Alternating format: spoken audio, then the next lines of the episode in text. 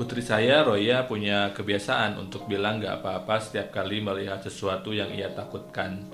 Kebiasaan itu bermula ketika kami berusaha menenangkan dia yang panik melihat truk dan atau mendengar derungan motor.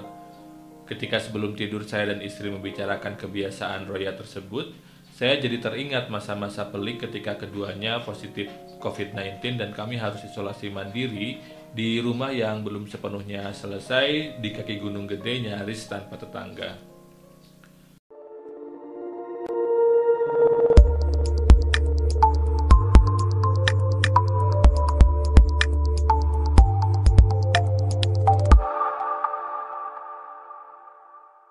Assalamualaikum warahmatullahi wabarakatuh.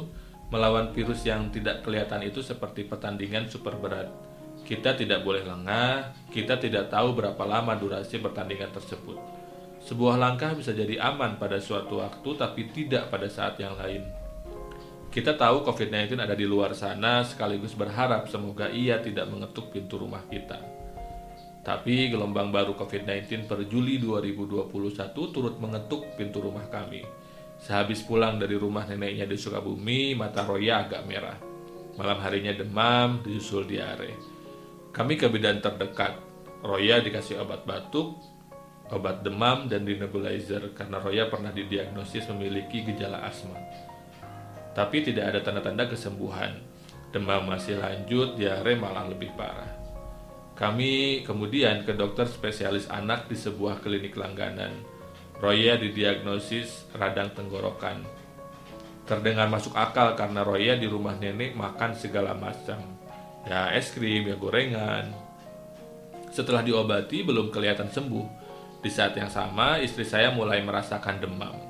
Sempat saya kerok karena biasanya gejala masuk angin. Tetapi demam dan pusingnya nggak hilang. Hari Senin kami berencana pergi ke dokter spesialis anak lain yang menurut info kawan berpraktek di sebuah klinik di Warujajar hingga zuhur. Di perjalanan, istri saya mengajukan ingin swab. Apalagi di sekitar rumah mertua saya memang ada dua perumahan yang di lockdown yang belakangan kami ketahui ada salah satu warga yang suka nyolong keluar perumahan dari pintu belakang. Andilalah dokter tersebut tidak sedang praktek. Kami salah jadwal. Karena nanggung sudah ada di sana, kami memutuskan untuk melakukan swab di klinik terdekat. Istri saya mula-mula. Ketika hasilnya keluar dan positif, akhirnya Roya juga di swab. Melihat bayi usia 14 bulanan dicolok hidungnya hingga perih menyayat hati kami. Belum lagi rasa bersalah karena virus tersebut menjangkiti si bayi. Hasilnya positif. Saya kemudian di swab dan negatif. Sepanjang perjalanan pulang, saya menelepon kawan yang bekerja di puskesmas dan mendapatkan masukan. Kami mengcross check obat dari dokter spesialis anak dan mendapatkan tambahan obat untuk menghentikan diare. Dokter di puskesmas juga memberikan resep obat untuk istri saya. Pertanyaannya kemudian, akan di mana kami isolasi mandiri? Mengandalkan lokasi yang disediakan Pemkap Cianjur tidak mungkin karena sudah penuh. Akhirnya kami memutuskan untuk tinggal di rumah kami yang belum sepenuhnya selesai. Saya memutuskan akan menemani keduanya tidur terpisah dan sepanjang waktu mengenakan masker, minum multivitamin, berjemur, dan yang sebangsanya. Di saat yang sama, saya melakukan tracing mandiri kepada keluarga yang melakukan kontak erat dengan Roya, memastikan mereka baik-baik saja. Saya membelikan obat dan vitamin bagi yang demam.